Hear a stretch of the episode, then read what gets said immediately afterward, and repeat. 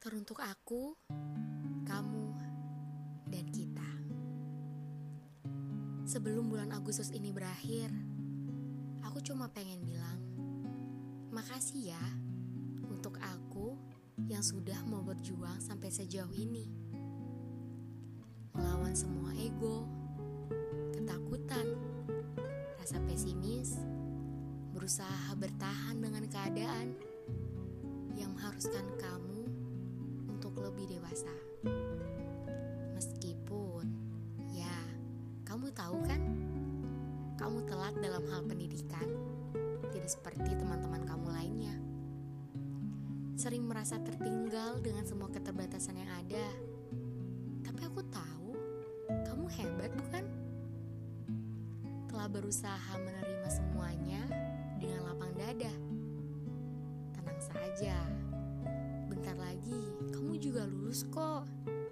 Akan mendapatkan penghasilan sendiri harus meminta uang ke orang tua, akan mendapatkan pekerjaan yang layak, akan mendapatkan tempat magang yang kamu impikan dari dulu, ingin membeli barang tanpa harus memikirkan harga. Tidak apa-apa, bukan?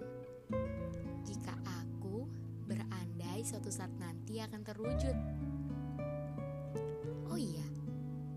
Kamu tahu kan?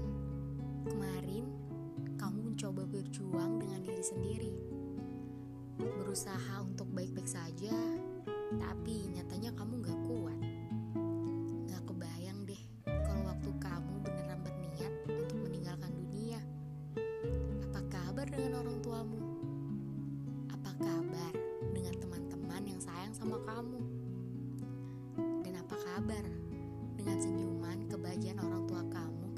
Kamu sukses? jadi. Dan ternyata Tuhan masih sayang dan ingin melihat kamu hidup. Meskipun keadaan waktu itu gelap sekali. Seakan-akan tidak ada orang yang membantu. Dan seakan-akan dunia seperti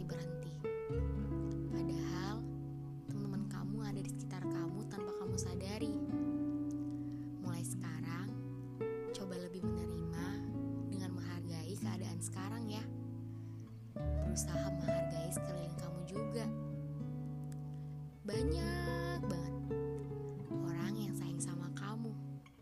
Gak mau lihat kamu sedih. Gak mau lihat kamu menderita juga bukan? Padahal kamu sendiri yang selalu bilang ke teman-teman kamu bahwa di dunia ini kita pasti membutuhkan manusia. Gak bisa hidup sendiri dan kamu juga selalu tuh nyemangatin teman-teman kamu kalau lagi pada galau soal apa pun. Makasih ya udah bertahan sampai sekarang. Gak apa-apa kok kamu sedih. Tapi janji besok-besok jangan sedih lagi ya. Soalnya kamu capek kalau nangis terus. Mending mencoba hal yang baru yuk. Seperti misalnya membuat podcast seperti ini.